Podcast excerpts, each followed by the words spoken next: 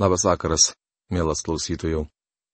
Šiandien toliau keliaujame Senojo testamento puslapiais Esteros knyga ir šiandien nagrinėsime ketvirtąjį skyrių. Tema - kaip tik tokiam metui, kaip dabar. Baisusis įsakas pasiekia visus karalystės kampelius. Atkreipkime dėmesį, kaip į tai reaguoja Mordechajas. Sužinojęs visą, kas buvo įvykę, Mordechajas persiplėšė drabužius, apsivilko ašutinę, apsibarstė galvą pelenais ir, garsiai bei karčiai verkdamas, ėjo per miestą. Jis atėjo prie pat karaliaus vartų, nes vilkinčiam ašutinę pro karaliaus vartus nebuvo leidžiama įeiti. Esteros knygos ketvirtos skyriaus pirma, antra eilutės. Kai Mordechajas išgirdo apie įsaką sunaikinti žydus, jis apsivilko ašutinę ir apsibarsti galvą pelenais. Tai bent poelgis. Jis tikėjo įsaku ir žinojo, kad jis neatšaukiamas. Spėju, jog tuo laiku karalystėje gyveno apie 15 milijonų žydų. Tai būtų buvę siaubingos, visiškai beprasmiškos ir nepateisinamos skerdynės. Visa tauta turėjo būti išnaikinta tik dėl to, kad kažkoks menkas tarnautojas nesilenkė prieš Hamaną. Žinoma, tai buvo šietono užmačios ir kiekvienoje valdoje, kurią buvo pasiekęs karaliaus raštas ir įsakas, žydai labai gedėjo pasninkaudami, verkdami ir aimanuodami.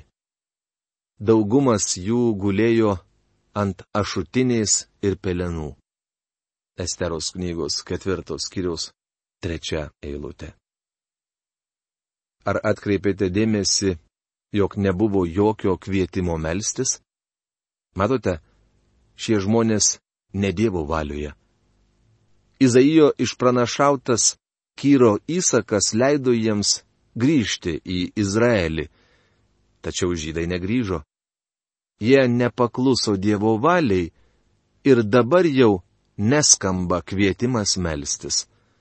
Tačiau žydai atlieka kitus ritualus pasninkauja, apsivelka ašutinėmis, apsibarsto pelenais ir labai gedi. Jie tikėjo, jog įsaką išleido Kserksas. Kaip pasakoja šios istorinės knygos, įskaitant ir pranašą Danielių, tai buvo neatšaukiamas medų ir persų įstatymas. Pamenate, netgi pats Kserksas atstūmęs savo gražiąją karalienę, nebegalėjo daugiau jos turėti, nes buvo išleistas įsakas, kad vaštiai draudžiama pasirodyti karaliaus akivaizdoje. Netgi jis pats negalėjo pakeisti savo išleisto įsakymo. Taigi, kai įsakas skelbiantis mirti apskriejo visą imperiją, žydai tuo patikėjo ir gedėjo apsivilkę ašutinėmis bei apsibarstę galvas pelenais. Šiandien akivaizdu, ir tai mano manimu bažnyčios kaltė, jog nebeliko apkaltinimo dėl nuodėmės, ne tik neišgelbėtų žmonių, bet ir tikinčiųjų širdyse bei gyvenimuose. Eilinis tikintysis pareiškia, taip, Aš pasitikiu Kristumi. Tačiau savo gyvenime jis nejaučia tikro apkaltinimo dėl nuodėmės. Dabartinės bažnyčios gyvenime to labai stinga.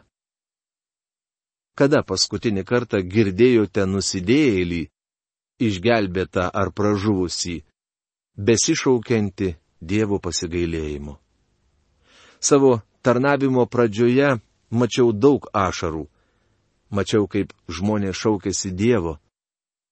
šiandien to nėra. Netgi evangeliniuose susirinkimuose daug žmonių išeina į priekį, tačiau nedaug kas verkia dėl savo nuodėmių. Kodėl? Mano draugė, jie netiki, jog Dievas kalba rimtai. Jie netiki, jog Dievas nuteis nuodėmę ir jos įsikibusi nusidėjėlį, kuris neatsigrėžia į Kristų. Mordechajas žinojo, jog įsakas rimtas ir juo tikėjo. Jis persiplėšė savo drabužius, apsivilko ašutinę, apsibarstė pelenais ir nuėjęs į miesto centrą garsiai ir karčiai verkė. Visoje karalystėje žydai gedėjo, pasninkavo, verkė ir aimanavo. Visi jie tikėjo, jog įsakas rimtas. Kai Esteros tarnaitis ir eunuchai atėjo ir apie tai pranešė, karalienė buvo pritrenkta. Ji nusintė Mordechajui drabužių apsirengti, kad galėtų nusivilkti ašutinę, bet jis atsisakė priimti. Esteros knygos ketvirtos skyriaus ketvirta eilutė. Karalienė Estera, jausdamasi visiškai saugi ir rami, nes ji karalienė, sutriko dėl Mordechajo savo įtėvio elgesio. Štai jis mieste vaikštinėja pirmin atgal, dėjoja, aimanuoja ir verkia. Kaip ji reaguoja? Ji pasiunčia jam naują puošnų kostiumą. Marga, rėžiantį akį, brangų ir dailiai pasiūta. Spalvos turbūt buvo ryškios. Tačiau ryškios spalvos ir nauji drabužiai negali pakeisti karaliaus edikto. Mordechajas drabužių nepriėmė. Jie negalėjo panaikinti sprendimo. Tai galime pritaikyti ir mūsų dienoms. Religijos priedanga nepanaikina fakto, kad prieš Dievą žmogus yra kaltas ir nusidėjėlis. Religija taip pat negali pakeisti tiesos, jog atlygis už nuodėmę - mirtis. Žmonės įvairiausiais būdais stengiasi panaikinti nuodėmę. Kai kurie išbando ryškių drabužių metodą. Jie netiki, kad žmogus nusidėjėlis ir yra pasiruošę apsirengti bet kokį drabužį, kad tik jis paslėptų nuodėmės realumą. Kiti apsirengia įmantriais persiauklėjimo drabužiais. Tokie žmonės tvirtina, jog nuodėmė tai tik maža klaidelė ir mėgina ją paslėpti. Jie mano, jog nuodėmę galima ištaisyti. Kažkas yra pasakęs, jog šio laikinė sakykla tapo vieta, kur švelnaus būdo žmogus atsistoja prieš grupę kitų malonių manierų žmonių ir ragina juos būti dar malonesniais. Bičiuliai, negaliu sugalvoti nieko lėkštesnio. Nėra ko stebėtis, kad pasaulis praeina pro bažnyčią. Mums nereikalingas persiauklėjimas. Mums reikalingas dvasinis atgimimas. Mes privalome gimti iš naujo. Žydų didžiūnas Nikodemas buvo religingas, tačiau mūsų viešpats jam pasakė, jums reikia atgimti iš aukštybės.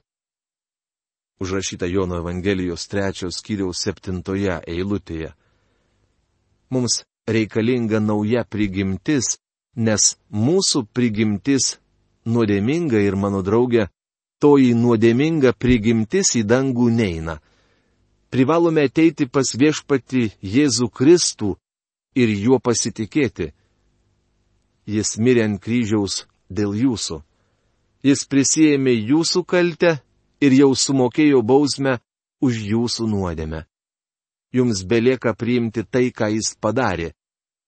Jei pateksite į dangų, tai tik dėl to, kad patikėjote tuo, kuris mirė už jūs. Žmonės mėgsta dėvėti dar vienus pošnius drabužius, kurie vadinasi išsilavinimas. Jie tvirtina, jog nuodėmė yra savanaudiškumas. Tai reikia išmokyti ir išauklėti žmonės ir jie nebebus savanaudžiais. Turėjau už save jaunesnę seserį. Mano tėvas grįždamas iš darbo namo parneždavo mums maišelį šaltmetinių saldainių. Jis liepdavo man pasidalinti saldainius su seserimi.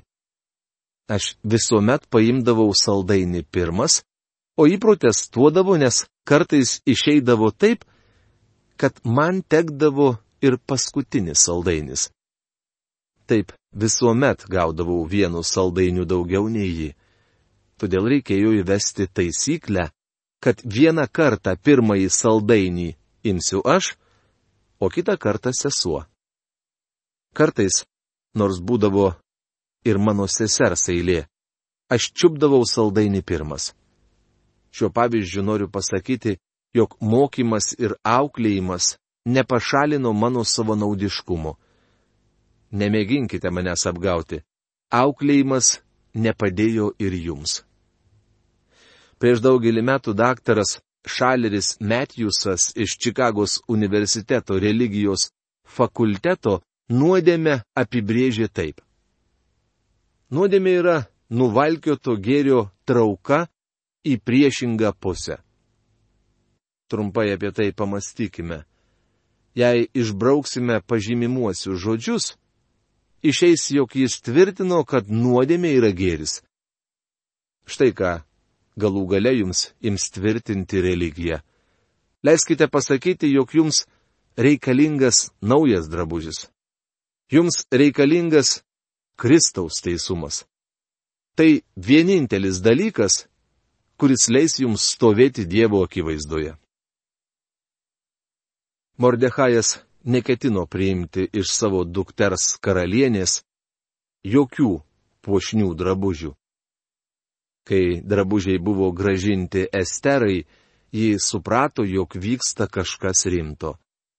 Estera žinojo, kad jos tėvas dėl kokios nors smulkmenos drabužių negražintų. Tada Estera pasišaukusi Hatachą, vieną iš karaliaus eunuchų, kuriuos karalius buvo paskyręs jai tarnauti, įsakė jam nueiti pas Mordechają ir sužinoti priežastį. Esteros knygos ketvirtos skyriaus penktą eilutę. Estera nori gauti atsakymą. Įtrokšta sužinoti, kodėl Mordechajas apsivilko ašutinę ir apsibarstė pelenais. Hatachas išėjo ieškoti Mordechajo į miesto aikštę priešais karaliaus vartus. Esteros knygos ketvirtos skyriaus šešta eilutė būdama karalienė, pati nueiti į negalėjo, todėl pasiuntė pasiuntinį. Tada Mordechajas pranešė visą, kas jam buvo nutikę ir tikslę sumą pinigų, kurią Hamanas buvo pažadėjęs įmokėti į karaliaus išdą už žydų sunaikinimą. Mordechajas padavė jam ir nuorašą rašyto įsako, kuris buvo pakabintas sūzuose dėl jų sunaikinimo. Jis prašė parodyti jį Esterai ir pranešus įpareigoti ją, kad eitų pas karalių užtarti savo tautą ir maldauti dėl jos. Hatachas grįžęs perdavė Esterai visą, ką Mordechajas buvo sakęs. Esteros knygos ketvirtos kiriaus septinta, devinta eilutės. Mordechajas karalieniai Esterai pasiuntė žinę, kuri tiesą sakant skambėjo taip. Aš apsivilkau ašutinę ir apsibarščiau pelenais, nes mūsų tauta, tu ir aš, baisių įsakų esame paskirti mirčiai. Tuomet jis padavė pasiuntiniui įsako nuorašą, kad Estera pati galėtų jį perskaityti kaip norėčiau, kad žmonės, kurie tvirtina, jog Biblija nemoko, kad žmogus yra nusidėjėlis, patys paskaitytų, kas parašyta Dievo žodyje. Viskas išdėstyta juodu ant balto. Jeigu jie paskaitytų, tai suvoktų, jog Dievas skelbia, kad visi mes esame nusidėliai, nusipelnę jo mirties bausmės. Pasiuntinys sugrįžo pas Esterą, atneždamas jai Mordechajo žinutę ir karaliaus įsako nuorašą. Tada Estera paliepė Hatachui nunešti Mordechajui tokį atsakymą. Esteros knygos ketvirtos skyriaus dešimta eilutė išgirdusi Mordechajo žinę ir perskaičiusi įsaką, Estera pasiuntė jam dar vieną žinę. Visi karaliaus dvariškiai ir net žmonės karaliaus valdose žino, kad turi būti nubaustas mirties bausme, jeigu kas nors, vyras ar moteris, nebūdamas pašauktas, drįstų eiti pas karalių į vidinį kiemą. Tik jeigu karalius ištiestų jam aukso skeptrą, jis gali likti gyvas. O aš nebuvau pašaukta pas karalių jau 30 dienų. Esteros knygos ketvirtos skyriaus 11 eilutė. Kitaip tariant, man labai gaila, aš nieko apie tai nežinojau. Vėliau įtęsė. Tačiau aš nebuvau pašaukta pas karalių jau 30 dienų, neįsivaizduoju, kaip jis nusiteikęs mano atžvilgiu. O tugi žinai, koks įstatymas? Tais laikais ši taisyklė galiojo visose karalystėse. Bet kuris žmogus, išdrysęs, nepašauktas pasirodyti karaliaus akivaizdoje, turėjo būti iš karto, be ilgų svarstymų, nubaustas mirtimi, nebent jei karalius ištiestų jam savo skeptrą. Kserksas garsėjo pykčio protrukiais, jis galėjo nužudyti karalienę, jei toji nepašaukta drįstų pas jį ateiti. Todėl Estera pasiuntė Mordechajui tokį atsakymą. Jei eisiu pas karalių, man tai gali kainuoti gyvybę. Kai Mordechajui buvo pranešta, ką Estera sakė, Esteros knygos ketvirtos kiriaus dvylikta eilutė. Tuomet Mordechajas jai atsakė tokiais įsimintinais žodžiais. Jis liepė taip atsakyti Esterai. Nemanyk, kad karaliaus rūmuose būsi saugesnė negu kiti žydai. Juk jeigu iš tikrųjų tylėsi tokiu metu kaip dabar, pagalba ir išgelbėjimas žydams ateis iš kitos vietos. Bet tu ir tavo tėvo šeima pražus. Kas gali žinoti? Galbūt tu pasiekiai karališkai sostą kaip tik tokiam metui, kaip dabar. Esteros knygos ketvirtos skyriaus 13-14 eilutės. Turime atminti, jog rūmuose gyveno ir kita karalienė, tačiau išleidus įsaką ji buvo atmesta. Greičiausiai Esterai tai buvo lyg įspėjimas. Tačiau jei ji mano, jog įsakas ją apsaugos, tai labai klysta. Įsakas skelbė, jog bus nužudyti visi žydai, o jį žydė. Mordechajas aiškiai parašė, tai, jog esi karalienė, tavęs dar neapsaugo nuo egzekucijos, nes ji bus įvykdyta kiekvienam karalystės žydui, taigi pasieks ir karalienė. Vėliau mes sužinosime, jog Serksas nežinojo, kad Estera žydaitė. Toliau Mordechajas kalbėjo, kad jei Estera tylės, išgelbėjimas ateis iš kitur.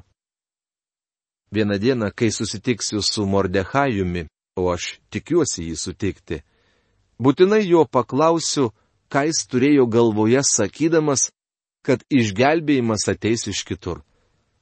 Aš apie tai mašiau ir dabar noriu jūsų paklausti. Į ką dar jie galėjo kreiptis pagalbos? Iš kur dar be Dievo galėjo ateiti išgelbėjimas. Tuo metu jis buvo vienintelė žydų viltis ir aš esu tikras, jog Mordechajas tai suvokė. Dievas galbūt būtų veikęs ir kitaip. Mordechajas suprato, jog išgelbėjimas ateis, nes žinojo, kokius pažadus Dievas buvo davęs Abromui. Todėl Mordechajas metė iššūkį Esterai. Kserksas buvo pasaulio valdovas. Ar išgelbėjimas ateis iš šiaurės, rytų, pietų ar vakarų? Visoje žemėje nebuvo žmogaus galėjusio ją išgelbėti. Todėl Esterai jis pasakė, kas gali žinoti, galbūt tu pasiekiai karališkai sostą kaip tik tokiam metui, kaip dabar. Manau, jog Mordechajas supranta, kad Dievo ranka veikia ir kad Estera ne šiaip sausėdi sostę. Taigi mes matome, kaip Dievas per savo apvaizdą tvarko tautos reikalus. Akivaizdu, jog Estera neatsitiktinai laimėjo grožio konkursą ir neatsitiktinai tapo karalienė. Viskas buvo nulemta Dievu, nes jis žino, kas laukia ateityje. Bičiuliai, štai kodėl galime juo pasitikėti. Kai paduodame jam savo ranką, jis turi jėgos, kad mus išlaikytų. Jis žino, kas įvyks rytoj, kitą mėnesį ar kitais metais. Jis pasirūpins mumis. Mums tai reikia jo pasitikėti. Mano nuomonė, Mordechajas yra kilnus žmogus. Jis pasiryžęs mirti dėl Dievo. Dabar stebėkime Esterą. Ji tikra karalienė. Tada Estera atsakydama Mordechajui tarė. Eik, surink visus žydus, kurie gyvena sūzuose. Pasninkaukite už mane. Nevalgykite ir negerkite ištisas tris dienas ir naktis ir aš drauge su savo tarnaitėmis, kaip ir jūs, pasninkausiu. Po to, nepaisydama įstatymo, eisiu pas karalių. Jeigu turėsiu žūti, žūsiu. Mordechajas, palikęs vartus, įvykdė visą, ką Estera buvo įsakiusi. Esteros knygos ketvirtos kiriaus 15-17 eilutės. Tai kilnios moters žodžiai. Ji liepia Mordechajui surinkti visus mieste gyvenančius žydus ir pasninkauti. Ji ir jos tarnaitės darys tą patį. Estera eis pas karalių prašyti pagalbos, o jei reikės, tai ir žus. Dar kartą atkreipkite dėmesį, kad čia neminima malda. Kodėl Estera nesimeldžia? Todėl, kad ji nedievo valioje. Kodėl nesimeldžia žydai? Jie taip pat nedievo valioje. Kai Jona laivu bėgo nuo Dievo, apie maldą taip pat nieko nebuvo rašoma. Kai esi ne Dievo valioje, sunku melstis. Gali būti, jog kai kurie žydai meldėsi, tačiau tai niekur nepaminėta. Esteros sprendimas eiti pas karalių labai drasus poelgis. Tačiau mylimieji yra dar kilnesnis asmuo. Jis praėjo pro dangaus sienas, nužengė į žemę ir prisėmė mūsų žmogišką į kūną. Jis nesakė, jei turėsiu žūti, tai žūsiu. Jis pažadėjo. Aš atėjau atiduoti savo gyvybės kaip išpirkos už daugelį.